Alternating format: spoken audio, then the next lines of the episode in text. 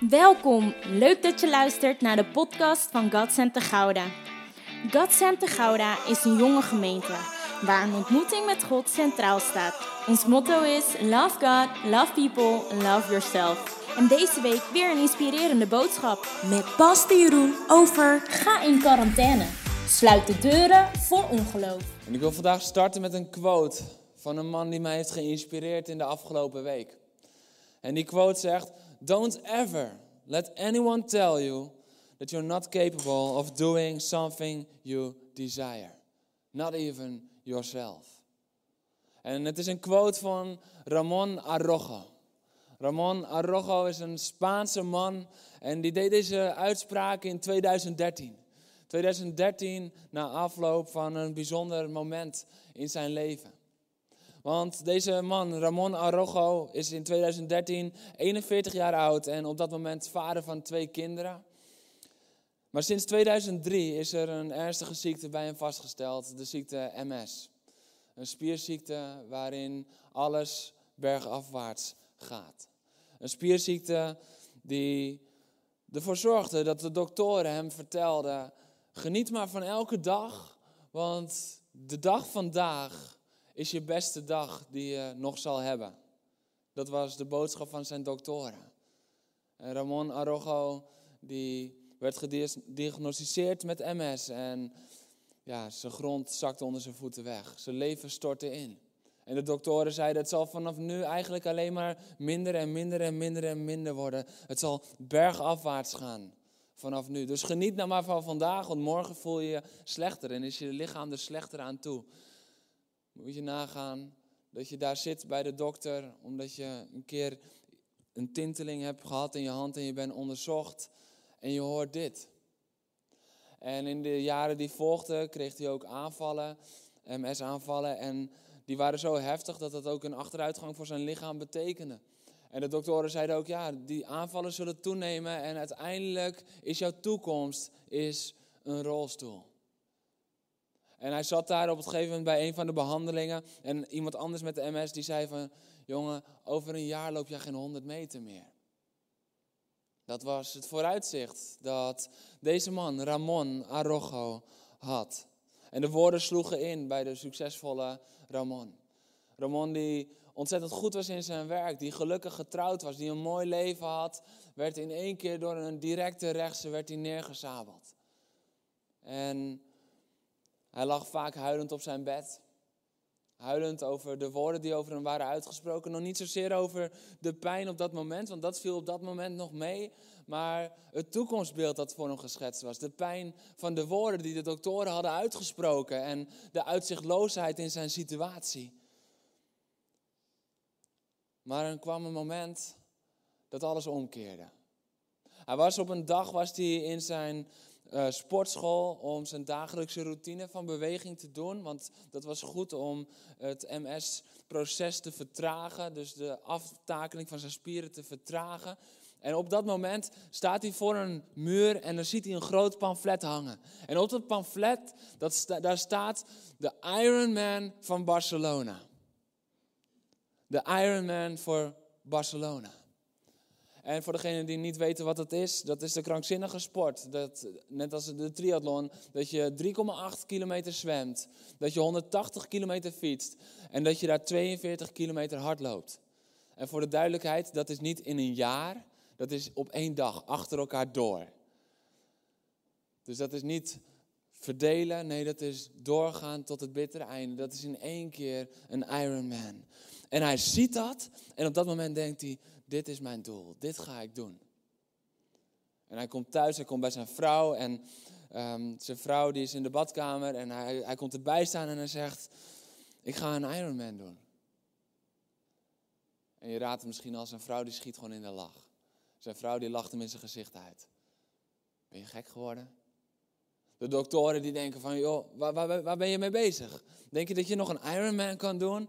En de stemmen van de mensen om hem heen, die zeggen allemaal, dit kan jij niet. Dit is onmogelijk. Maar Ramon zet door. Ramon besluit die stemmen van afkeuren van zijn project en het niet geloven in zijn project, besluit hij achter zich te laten en hij gaat door. Hij traint door, hij zet door, hij gaat door. En wat we dan zien is dat in oktober 2013, dat Ramon samen met zijn vrouw en inmiddels twee kinderen, dat hij over de finish strompelt. Maar hij heeft het gehaald. Over de finish van de Ironman van Barcelona. 2013. En ik geloof dat Ramon een voorbeeld is. Ik geloof dat Ramon een voorbeeld is voor zijn kinderen, voor alle MS-patiënten, maar ook een voorbeeld is voor jou en voor mij. Want zijn voorbeeld zit voor mij niet precies alleen in het behalen van die Ironman, maar hoe die is omgegaan met de stemmen die zeiden dat hij dat niet kon. Want wat doen we op het moment dat er ons verteld wordt, dit kan jij niet? Wat doen we op het moment dat iemand zegt, nee, maar daar geloof ik niet in voor jou? Wat doen we op het moment dat de droom die wij hebben, die wij delen, de grond in wordt geslagen omdat mensen denken, dit is niks voor jou, dit kan jij niet aan, dit haal jij niet? En laten we eerlijk zijn, de negatieve adviezen die we krijgen, die hebben vaak grote impact. Maar om je geloof te behouden, is het niet zozeer de zaak om negatieve adviezen te weerleggen, maar je behoudt je geloof door ze het zwijgen op te leggen. Hou ongeloof buiten de deur. En dat is waar ik in het verhaal van Jezus wil instappen vandaag. Jezus die snapte hoe belangrijk het was om ongeloof de deur te wijzen. Ik wil je vragen om je Bijbel erbij te pakken als je thuis zit en open te slaan Matthäus 9. En als je hem hebt gevonden, dan mag je gaan opstaan in je woonkamer. Laten we gaan staan voor het woord van God als we het lezen met elkaar. Matthäus 9 vanaf vers 18 gaan we lezen. Jezus is hier aan het onderwijzen en dan op het gegeven moment staat er in vers 18, hij was nog niet uitgesproken of er kwam een leider van de synagoge naar hem toe en viel voor Jezus voeten neer. En hij zei, mijn dochter is zojuist gestorven. Kom alsjeblieft en leg haar de handen op, dan zal ze weer leven. Jezus stond op en volgde hem met zijn leerlingen. Plotseling naderde hem van achter een vrouw die al twaalf jaar aan bloedverlies leed. Ze raakte de zoom van zijn bovenkleed aan, want ze dacht: als ik alleen al de bovenkleed, het bovenkleed zal aanraken, dan zal ik genezen worden. Jezus draaide zich om en bij het zien van de vrouw zei hij: Wees gerust, uw geloof heeft u gered. En vanaf dat moment was de vrouw genezen. Toen Jezus bij het huis van de leider van de synagoge aankwam en er fluitspelers en luid weeklagende menigte zag, zei hij: Ga naar huis. Het meisje is immers niet gestorven, ze slaapt. Men lachte smalend. Nadat iedereen was weggestuurd, ging hij naar binnen. Hij pakte het meisje bij de hand en ze stond op. Het verhaal hierover verspreidde zich in de hele omgeving. Jairus een van de priesters, een van de schriftgeleerden, de leiders van de synagoge, die valt hier voor de voeten van Jezus neer. Hij valt voor de voeten van Jezus neer en hij is ten einde raad. Ehm, kleine uh, correctie. Er staat hier in de MBV dat mijn dochter is zojuist gestorven. En dat wordt in de Nederlandse vertalingen en ook in de Engels wordt het vaak vertaald met gestorven. Maar het woord dat hier um, in het Grieks gebruikt wordt, betekent eigenlijk deceased. Ze ligt op sterven. En dat zien we ook in Marcus 5 en Lucas 8 wordt het verhaal ook verteld. En daar zien we ook dat, dat eh, de dochter van Jairus op sterven ligt. Op het moment dat hij bij Jezus komt, is zij nog niet gestorven. En hij is ten einde raad. En kom alsjeblieft en leg haar de handen op, want dan zal ze leven. Dan zal ze weer leven. Dan zal, dan zal het goed komen, Jezus. Kom met me mee, alsjeblieft. En Jezus gaat met hem mee. En voordat we daarop verder gaan, de titel van vandaag is Ga in quarantaine. En dat is niet om afgezonderd te zijn en eenzaam te zijn, maar dat is om ongeloof de deur te wijzen. Hou ongeloof buiten de deur. En Jezus die wist wat de kracht was van quarantaine. Aan het begin van zijn bediening gaat Jezus 40 dagen de woestijn in. En in die 40 dagen is hij aan het bidden, is hij aan het vasten, wordt hij verzocht door de duivel. Maar quarantaine komt van het Frans woord quarant, is 40. Dus het is niet voor niets dat Jezus daar ook al mee begint. En Hij besloot om, voordat zijn bediening begon, 40 dagen met zijn vader door te brengen. Een tijd van vasten en gebed. En het was niemand die hem dat opdroeg, maar het was omdat hij de Heilige Geest volgde. Er staat, de Heilige Geest die drong hem naar de woestijn toe.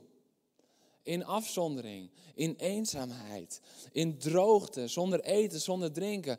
En Laten we eerlijk zijn, als we zulke momenten kennen in ons leven, dan vaak denken we van, oh, ik ga door een zware periode. Of het is een droge periode, het is een woestijnperiode. En we zien daar strijd. We noemen het vaak strijd. Maar misschien is het niet altijd strijd, maar is het waar God je leidt. Misschien is het tijd dat we gaan herkennen dat wat goed voor ons is, niet altijd lekker voor ons voelt. Ik ben ervan overtuigd dat de woestijn niet lekker voelde voor Jezus, maar hij wist dat het goed voor hem was. En daarom wilde hij dit doen. Daarom hield hij vol, daarom was hij krachtig. Net als vasten. Het voelt niet altijd lekker voor je, maar je weet dat het goed voor je is. Er zijn momenten dat je denkt, oh man, die smaak in mijn mond als ik aan het vasten ben. Er is niks lekkers, er is niks goeds aan vasten, maar je weet dat het geestelijk heel goed voor je is. En de momenten dat ik belangrijke beslissingen moet nemen, dan neig ik ook altijd naar een bepaalde quarantaine. Ik weet niet hoe dat bij jou is, maar op de momenten dat ik belangrijke beslissingen moet nemen, dan sluit ik mezelf het liefst op. Dan heb ik geen telefoon bij de hand, dan wil ik niemand om me heen hebben, dan wil ik alleen zijn. Dan heb ik een soort quarantaine-modus nodig om alleen te zijn met God. Om alle andere adviezen en gedachten en, en meedenken, om dat het zwijgen op te leggen en alleen met God te zijn. En misschien herken je dat wel, dat op de momenten dat je voor grote keuzes staat, dat je dat nodig hebt in je leven. Vaak heb ik alle meningen, opinies en opties heb ik al gehoord van iedereen. En dan is het tijd om me terug te trekken en alleen met God te zijn. Want ik wil vasthouden aan een geloof. En ik wil dan niet vasthouden aan een geloof dat afhankelijk is van het enthousiasme van mensen, maar vasthouden aan een geloof dat afhankelijk is van de belofte van mijn God. Een voorbeeld van de afgelopen tijd daarvan is de Love Week. Die we in juli 2021 gaan doen met elkaar. Die we als gemeente gaan dragen, waarin we gaan uitreiken naar heel Gouda. De Love Week die ik al voor de coronatijd op mijn hart had. Ik had hem al, ik denk al maanden had ik hem op mijn bord staan in mijn kantoor. Love Week 2021. Ik wist, dit is wat God van, van ons vraagt als gemeente. Ik had het bevestigd gekregen. En ik moest de afgelopen maanden, moest ik zo sterk iedere keer weer in een stukje quarantaine, alleen zijn met God, alleen zijn met Jezus daarover, om me niet mee te laten sleuren in de opinies van de media, de, de verwachtingen van de experts, waardoor ik zou denken van, weet je wat, we parkeren het wel even. Weet je wat, we laten het nog wel even. Maar als God iets op je hart legt, dan is het belangrijk om in je binnenkamer te komen, waar alle geluiden van nieuws, media en mensen uit worden gezet, om te blijven bij het woord van God. We gaan door. Om te blijven bij het, God, bij het woord van God dat zegt, maar ik heb gezegd, ik heb beloofd, ik heb gesproken. En dat is altijd belangrijker en krachtiger als de woorden van mensen. En Jairus heeft dat begrepen. Jairus is een leider van de synagoge en hij valt voor Jezus voeten neer. En hij zegt, mijn, mijn dochter ligt op sterven. Mijn dochter is ziek. Mijn dochter, Heer, ik zie geen uitweg weer. Komt u alstublieft, want als u haar aanraakt, als u haar de handen oplegt, dan zal ze weer leven. En het is niet normaal dat Jairus naar Jezus komt. Want de fariseeërs, de schriftgeleerden, de leiders van de synagoge, die hebben een hekel aan Jezus. Die moeten weinig van Jezus hebben. Die zien hem als een bedreiging. Die keuren Jezus af. Uiteindelijk zullen ze hem tot ter dood laten veroordelen. Dat is de verhouding tussen Jezus en de synagogeleiders. Maar Jairus, die komt in zijn nood dwars door de stemmen van al die anderen heen. Die legt hij het zwijgen op en hij komt bij Jezus. Ze hebben hem niet bemoedigd om naar Jezus te gaan, maar hij heeft ervoor gekozen om toch daar doorheen te breken. Ten einde raad. Het gaat om zijn dochter. En dan vraagt hij, komt u alsjeblieft en leg haar de handen op. Dan zal ze weer leven. En het feit dat hij daar zegt, dan zal ze weer leven, dat is bijzonder. Want wat ik net al zei, het is aannemelijker dat ze nog niet gestorven was toen hij van huis wegging, als dat ze dat wel al was. Want in, in de andere verhalen, in, in onder andere Lucas, daar lezen we ook dat nadat Jezus de vrouw heeft genezen van de bloedvloeien, dat er, hij was nog niet uitgesproken tegen die vrouw, of er kwam iemand Jairus vertellen, laat de meester maar alleen, uw dochter is gestorven. Daarin zie je, hij wist het nog niet. En op dat moment voel je gewoon de grond onder zijn voeten wegzakken. Mijn dochter is nu echt gestorven. Heer, ik had hoop toen ze nog leefde. En ik dacht, als u er nou aanraakt, dan zal ze leven en dan zal het goed komen. Maar nu is het echt over.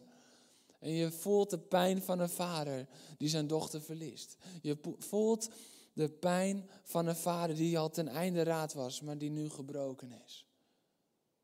En wat Jezus dan zegt is, Iris, wees niet bang, maar geloof, want ze zal gered worden.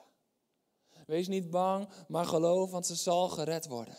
En waar je Iris eigenlijk het advies krijgt, laat de meester maar alleen. Lees het maar een keertje na in Marcus 5 of Lucas 8. Laat, laat, laat de meester maar weer alleen, want het is nu over. Weet je, ze, ze, was nog in leven en er was nog hoop, maar dat is nu klaar. Laat hem maar alleen. Hij heeft het al druk genoeg. We gaan naar huis en we gaan de begrafenis regelen. En we gaan rouwen met elkaar. Dat is het advies wat hij krijgt van de mensen om hem heen. Maar opnieuw kiest Jairus om zijn ogen en zijn oren daarvoor te sluiten en te luisteren naar het woord dat Jezus spreekt. Want het is zo'n groot contrast. Het is zo'n groot contrast.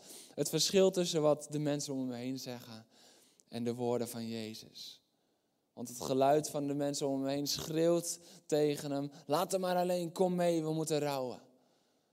En de woorden van Jezus fluisteren: Wees niet bang, maar geloof, want ze zal gered zijn. Ze zal gered worden. En de vraag aan ons is: waar luisteren we naar in ons leven? Luisteren we naar de woorden van die omstanders die met goed bedoelde adviezen komen? Of luisteren we naar de fluistering van Jezus die zegt geloof? Hey, je ziet het nu niet. En je dacht dat het, dat het misschien nog kantje boord was en nu is dat gewoon over in jouw ogen, maar in mijn ogen is er nog steeds een nieuw begin. In mijn ogen slaapt ze. Ze is niet dood, ze slaapt voor mij. Voor jou als mens is het dood, je droom, maar voor mij is het een diepe slaap. En als ik die droom aanraak, dan zal het tot leven komen. Misschien denk je aan je huwelijk en dan denk je, man, ik heb lange tijd heb ik gedacht, dit huwelijk, Heer, we hebben uw aanraking nodig, want anders sterft ons huwelijk. En nu heb ik meer het idee, mijn huwelijk is gestorven en anderen zeggen dat ook. En Jezus fluistert, ja, maar het slaapt, het is nog niet over. Wat voor mensen over is, is voor mij nog niet over. Ja, Iris besluit om Jezus alsnog mee te nemen. En dan komt Jezus komt daar in een situatie die vraagtekens oproept. Vraagtekens oproept misschien bij Jairus, misschien bij Jezus, maar aan de andere kant ook zo logisch is. Want rondom het huis van Jairus zijn de fluitspelers zijn er al. Fluitspelers die waren altijd onderdeel van um, de begrafenis. Zelfs de armsten, daar waren altijd fluitspelers uh, aanwezig op een begrafenis. En Jairus zal niet onder de armsten zijn geweest als leider van de synagoge. En ze zijn al luid aan het weeklagen. Misschien denk ik, wat is weeklagen? Een ander woord daarvoor is gewoon rouwen. Ze zijn luid aan het rouwen. En rouwen in die cultuur, die, dat ging er heftig aan toe. Mensen sloegen zich op de borst en schreeuwden het gewoon uit. Weet je, als jij een rouwdienst hebt meegemaakt hier in Nederland, dan, dan is dat eigenlijk, mensen zitten met zakdoekjes, zitten ze zo snel mogelijk de tranen weg te deppen om maar niet te hard te huilen. Want anderen mogen toch niet het innerlijke verdriet zien wat ze zo verteert op dat moment. Maar daar was dat gewoon luid, weeklagend, rouwend. Ze sloegen zich op de borst. Ze waren in een tijd van rouw en ze gingen daarin op. Ze mochten hun emoties laten gaan. En dat is wat er daar aan de hand is. En toen Jezus bij dat huis aankwam, zag hij dat. En hij zei: Ga naar huis. Je hoeft niet te rouwen. Ga naar huis. Het is, het is nog geen tijd van verdriet, want dit meisje is niet gestorven, maar ze slaat. En wat er dan gebeurt is, men lachte hem smalend uit. De mensen lachten hem uit. Ze schatten Jezus niet op waarde, ze maakten hem belachelijk. Nee, ze lachten hem uit. Nadat iedereen was weggestuurd, ging hij naar binnen. Jezus heeft gezegd, wees maar niet bang, maar blijf geloven. Het staat in Marcus 5, vers 36 tegen Jairus. Maar de mensen die schreeuwen, het verdriet dat schreeuwt. Dus aan de buitenkant, en dat is zo goed ook in ons leven, aan de buitenkant schreeuwen soms de mensen om ons heen, dit gaat niet meer goed komen. Schreeuwen de mensen van verdriet, van pijn, van uitzichtloosheid. Zoals het ook bij Ramon Arrojo was. De mensen schreeuwden het als het ware tegen dit ga je niet redden. Ze lachten hem uit, ze lachten hem smalend uit, zoals Jezus ook werd uitgelachen. En dat is van buiten, maar van binnen is daar die fluister van Jezus die zegt: Wees niet bang, maar geloof. Van buiten schreeuwt de omgeving van ongeloof en Jezus zegt: Wees niet bang, maar geloof. En je voelt die innerlijke strijd. Maar ik geloof dat dit verhaal ons allereerst wil leren. Dat we mensen niet luid moeten laten rouwen in jouw leven over iets wat nog niet gestorven is. Want wat voor mensen dood lijkt, is voor Jezus aan het slapen. Jezus zegt, ze slaapt.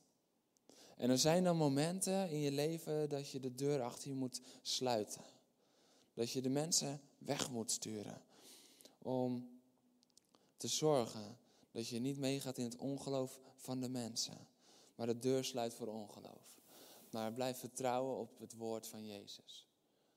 Want op het moment dat je blijft omringen met die rouwende menigte, met die huilende menigte, met die menigte die er geen uitzicht meer in heeft, geen geloof meer in heeft, dan gaan die woorden van Jezus. hey, wees niet bang, maar geloof. Maar geloof, want ze zal gered worden. Die gaan verder naar de achtergrond als we onze deuren niet sluiten. En Jezus stuurde de menigte weg, omdat ze geen geloof hadden, maar hem uitlachten. En de lachende, ongelovige menigte moest rust maken, moest plaats maken voor rust en geloof. En Jezus wist precies hoe hij met ongeloof moest omgaan, weet je dat? Vaak weten we niet zo, vaak gaan wij strijden tegen ongeloof. Vaak gaan we, nee, maar daar moeten we tegen strijden en we moeten laten zien dat. Maar Jezus koos heel vaak gewoon een andere weg. Want Jezus stuurt ze hier gewoon naar huis en sluit de deur achter zich. En gaat pas naar binnen als de menigte weg is. Hij wilde op de achtergrond geen gelach horen. En we zien ook um, in Matthäus 13 dat Jezus komt in zijn hometown en daar geloven ze niet zo in hem. En door het ongeloof kon hij daar weinig wonderen doen en hij trekt snel weer verder. Jezus wist hoe te dealen met ongeloof. En dat is misschien niet altijd de weg die wij zouden kiezen, want we denken, daar moeten we tegen vechten. Maar hij zorgt dat hij het zwijgen van ongeloof, het zwijgen oplegt in zijn eigen leven. Hij maakt het vaker mee en hij wist, ik moet de deur voor ongeloof sluiten. En dit zie je in het Oude Testament zie je dit ook terugkomen, waar Elisa, er is een vrouw en die heeft Elisa altijd heel erg vriendelijk ontvangen en die had hem erkend als godsman en die had toen tegen de man gezegd, weet je wat, we hebben we hebben nog wel een, dak waar we een kamer op kunnen bouwen. En dan hebben we altijd een gastenvertrek voor de man van God, voor de profeet, voor Elisa. En iedere keer als Elisa op doortocht is, kan hij daar uitrusten. Kan hij daar op adem komen. Na een zware tijd van bediening kan hij daar even uitrusten. En dit is wat die vrouw allemaal voor hem heeft gedaan. En dan op het gegeven moment zegt hij, wat kan ik voor, voor je terug doen? En um, zijn knecht die geeft aan van, ja, ze heeft geen zoon. En ze heeft altijd wel een kind gewild. En dan zegt hij tegen haar, je zal over een jaar een zoon hebben. Terwijl de man was al oud, het was niet meer natuurlijk heel erg logisch, maar het gebeurt. Jaren later sterft haar kind. En het eerste wat ze doet, is als hij gestorven is, in haar armen. Ze legt hem op het bed van de godsman Elisa. Ze sluit de deur en ze gaat naar Elisa toe. En ze gaat naar Elisa toe en ze zegt, mijn kind is gestorven. En hij gaat mee. En wat doet hij? Hij gaat die kamer in en hij sluit de deur achter zich. En daar wordt de jongen opgewekt uit de dood. Elia zien we het ook doen, het voorbeeld van Elisa. Hij is aan het bidden voor regen na drie jaar droogte. Drieënhalf jaar droogte, droogte, droogte.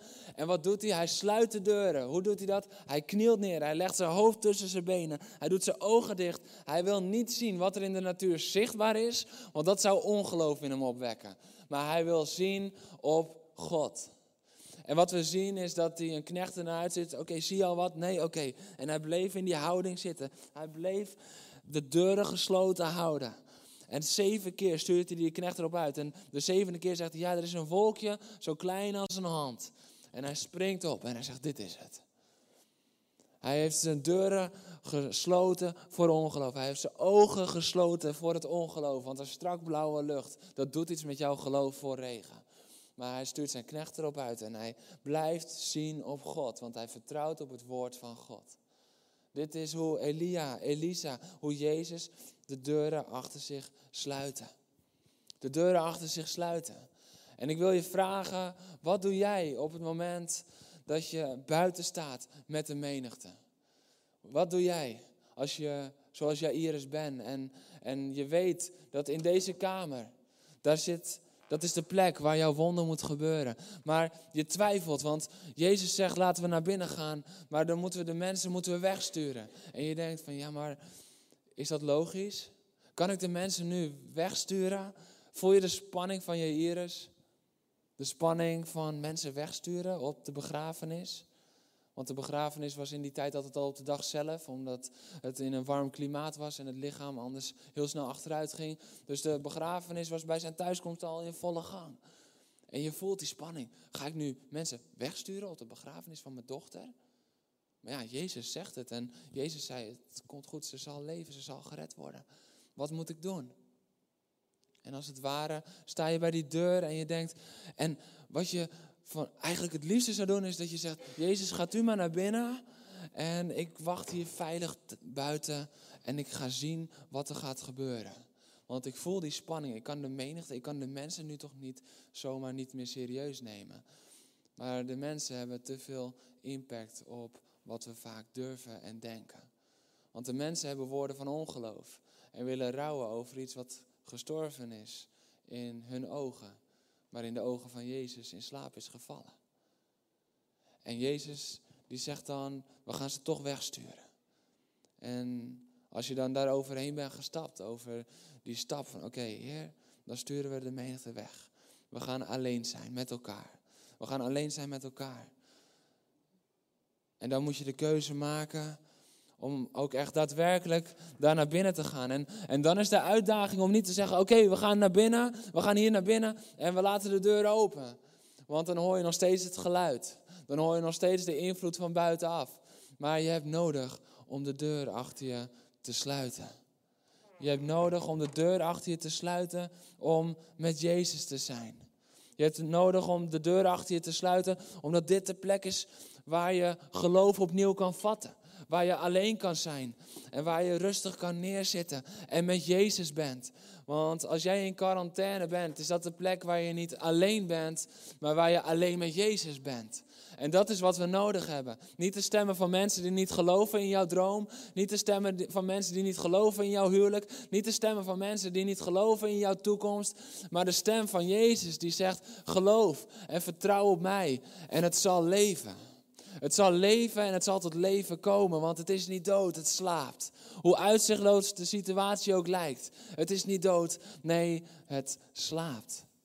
En je bent er alleen met Jezus.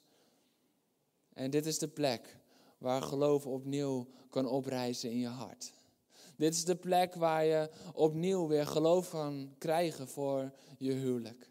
Dit is de plek waar je opnieuw weer geloof kan krijgen voor je huwelijk. Waarvan anderen zeggen van, hé man, dat gaat hem echt niet meer worden. Wat er tussen jullie is gebeurd, dat zal nooit meer herstellen. Het is een leugen. Het is een leugen die mensen oprecht geloven en ze doen vanuit alle goede opzichten willen ze je advies geven, maar het is geen goed advies. Het advies van Jezus is: hey, kom met mij achter die gesloten deur. En kom met mij achter die gesloten deur. En ik zal je laten zien dat als ik het aanraak, als ik jouw situatie aanraak, zoals ik de dochter van je Iris aanraak, dan is er leven. Misschien geloof jij niet meer in je toekomst. Dit is de plek waar je weer opnieuw in je dromen, in je toekomst gaat geloven. Dit is de plek waar het opnieuw weer leven vat. Want dit is de plek waar Jezus je dromen aanraakt. Is niet voor niets dat Jezus niet zei: breng de dochter maar naar buiten, want dan kan iedereen het zien.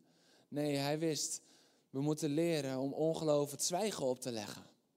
We moeten niet de confrontatie aangaan, maar we moeten het zwijgen opleggen. En hier, in jouw quarantaine, in jouw eenzame plek, in geborgenheid en rust, daar raak ik het aan. Daar raak ik het aan. De situatie waarin jij zit. De situatie waarin jij zit, die zo uitzichtloos lijkt. Ik raak het aan achter die gesloten deur. Achter de deur die je moet sluiten. Want als je hem openlaat, komen die invloeden van buitenaf steeds weer en steeds weer. En brengen ongeloof in jouw leven. En achter die gesloten deur komt wat dood leek tot leven. Wordt het meisje aangeraakt. En het is interessant, want Jezus gaat niet helemaal alleen naar binnen. Hij gaat niet helemaal alleen, maar hij weet de juiste mensen om zich heen te verzamelen. Allereerst zijn drie discipelen. Niet alle twaalf. Niet alle twaalf, maar drie discipelen. De drie die het dichtst bij hem staan. En ik geloof dat we hierin ook mogen leren. Dat op de belangrijke momenten in ons leven verzamel de juiste mensen om je heen. Verzamel een kleine groep mensen om je heen waarvan je weet, die staan met mij in geloof. Weet je, dat is ook quarantaine. Dat hoeft niet altijd helemaal in je eentje te zijn, maar dat is ook met de juiste mensen om je heen je afsluiten voor het gehoor van wat de anderen willen zeggen. Maar wat ik dan zo mooi vind, is dat Jezus de ouders mee naar binnen vraagt. Jezus die zegt niet van oké jongens, ik ga naar binnen, ik doe daar het wonder voor jullie en ik kom zo direct met jullie dochter naar buiten. Nee, maar Jezus doet het in relatie. Jezus doet het in relatie en hij verlangt ernaar om samen naar binnen te gaan. Want de ouders gingen mee naar binnen. En dat is het verschil tussen de menigte, die later natuurlijk opeens dat dochtertje weer zouden zien spelen. En opeens zouden, wat is daar gebeurd?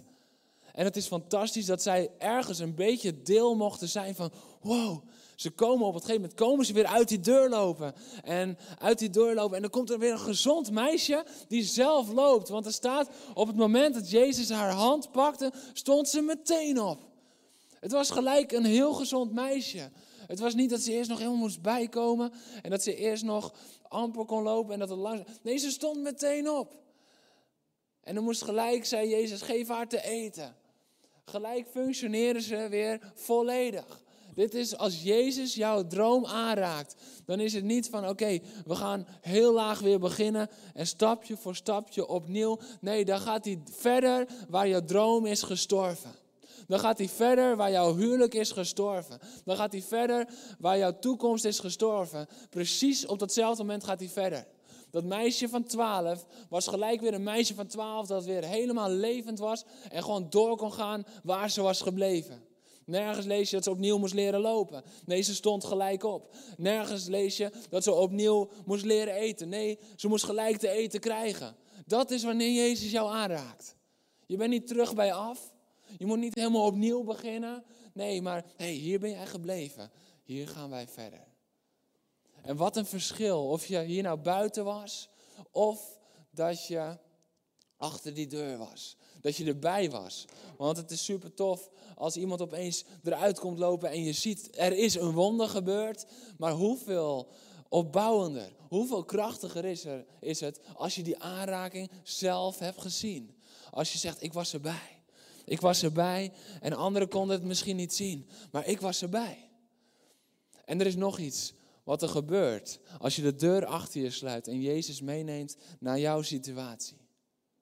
Want ik ben ervan overtuigd dat de ouders samen, dat die niet aan het kijken waren, oké, wat gebeurt er nu met onze dochter nu Jezus binnenloopt? Nee, ze keken, wat doet Jezus?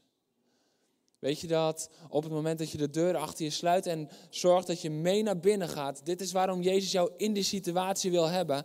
Dat leert jou om niet naar jouw situatie te kijken, maar naar Hem te kijken. Wat doet Hij? Om niet alleen maar te kijken van oké, hoe gaat het met mijn dochtertje in dit geval? Nee, maar wat doet Jezus? Want het is op de aanraking van Jezus dat ze opstaat. Het is op zijn vastpakken van haar hand dat ze meteen opstaat. Maar hun ogen waren gericht op beweging. Hun ogen waren gericht op dat wat leeft, op Jezus. En dat allemaal achter die deur. Anders zouden we alleen maar de uitwerking van het wonder van Jezus zien. Maar nu kwamen ze helemaal overstuur, maar overstuur van vreugde, kwamen ze weer naar buiten met hun dochter aan hun hand. En iedereen kon zien, hey, Jezus heeft haar aangeraakt. En in één klap is ze gezond. De vraag is, luisteren we naar het gelach van de wereld of naar de woorden en de beloften van Jezus? Luisteren we naar het gelach van de mensen die er niet in geloven, of luisteren naar de woorden en de beloften van Jezus? En een gesloten deur kan dan het verschil zijn tussen geloof en ongeloof.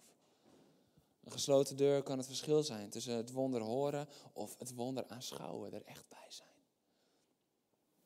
Een gesloten deur kan het verschil zijn tussen wel of geen wonder. Weet je, we kennen wonderen waar Jezus het woord al heeft gesproken en waar ze er thuis pas achter komen dat het wonder is gebeurd. Maar het wonder was al gebeurd opdat hij had gesproken. Maar dit is een wonder waar ze Jezus ook nog wel echt mee moesten gaan nemen. En hem moesten laten aanraken. Dit was niet dat hij daar al sprak van oké, ze is bij deze genezen en ik loop met jullie mee en we zien het als ze thuiskomen. Nee, dit was een wonder waar inderdaad op de aanraking van Jezus, op het pakken van haar hand, dat daar het wonder gebeurde. Dus Jairus moest in geloof staan. Hij moest in geloof Jezus meenemen. Hij moest in geloof de menigte weg laten sturen. Hij moest in geloof Jezus mee naar binnen nemen. Hij moest in geloof die deur sluiten. En hij moest in geloof Jezus zijn gang laten gaan. Door mee te gaan naar binnen worden we gericht op wat Jezus gaat doen. Als we buiten zouden blijven, dan zouden we alleen maar nadenken over onze gestorven dochter, onze gestorven dromen, over ons gestorven huwelijk, over onze gestorven toekomst, over ons gestorven, wat er ook gestorven is in jouw leven. Maar achter die deur gaat onze focus naar Jezus. Achter die deur houden we hem in de gaten. Wat zou hij gaan doen? Want hij had niet voor niets had hij Jezus meegenomen. Dus hij was geïnteresseerd. Want Jezus had gezegd, hey, ze zal gaan leven. Dus hij moet iets gaan doen en je bent gefixeerd op Jezus. Niet langer kijk je naar je situatie, maar je kijkt naar Jezus in jouw situatie. En dat is als we meegaan achter die deur. Als we niet zeggen, Jezus, succes, u kunt het, ik geloof in u. Nee, als we meegaan achter die deur en we gaan mee en we richten ons op wat Hij aan het doen is. Voor je Iris was het zijn dochter waarvoor hij naar Jezus toe kwam. En ik wil je vandaag vragen, wat is het voor jou? Waarvoor kom jij naar Jezus toe vandaag? Waar, waarvoor kom jij naar Jezus toe en heb je nodig om te vragen, komt u met me mee? Komt u alstublieft met me mee? misschien voel je wel als je Iris die voor de voeten van de meester viel. Hopeloos ten einde raad. En zegt, Heer, Komt u alstublieft mee, want als u haar aanraakt, dan zal ze leven. Ik heb u nodig, Heer. Ik heb u nodig. Mijn dochter heeft u nodig om te leven. Wat is het voor jou dat je Jezus mee moet nemen achter je voordeur, achter je deur en de menigte moet wegsturen? Is het misschien de droom die je hebt voor je beroep later? Is het misschien het huwelijk wat op de klippen lijkt te lopen en waar mensen van zeggen van nou, ik zie dat niet meer goed komen, maar je verlangt er zo naar? Is dat misschien die baan die zo fantastisch leek, maar die nu eigenlijk in duigen lijkt te vallen, waar je gewoon ten einde raad bent en je weet het niet meer. En mensen zeggen van, had je dat nou wel moeten doen? Dit is misschien niet helemaal voor jou. Je kan dit eigenlijk niet. En al die gedachten spoken door je hoofd, maar je moet aan de voeten van Jezus neervallen en vragen, komt u alstublieft mee naar die plek waar het ligt. Komt u alstublieft mee op die plek waar mijn droom, waar mijn baan, waar mijn huwelijk ligt. En raak het alstublieft aan, Jezus. Het aan. Alsjeblieft. Wat is het in jouw leven dat naar adem hapt vandaag? Wat is het? Want het meisje stond meteen op. Het meisje stond direct op, op de aanraking van Jezus. En op die aanraking van Jezus, daar zien we, daar is waar de hemel de aarde raakt. Daar is waar de hemel de aarde raakt. En één aanraking, één woord, één aanraking, één wonder. En meteen is daar nieuw leven. Dit is wanneer de hemel de aarde aanraakt. Dan komt daar direct nieuw leven. En dan zien we wat bij mensen onmogelijk is, is altijd mogelijk bij God. En wij denken vaak van, oh ja, we moeten, geen, ehm, we moeten ons beschermen en dan moeten we een pessimistische of een realistische blik nodig hebben door wat anderen zeggen. Daar moeten we rekening mee houden om realistisch te blijven. Maar God zegt, we hebben een geestelijke blik nodig om ons te leren uitstrekken naar wat Hij wel kan doen. We hebben het nodig. We hebben Zijn aanraking nodig. Hebben het nodig om misschien wel op onze knieën te vallen aan zijn voeten.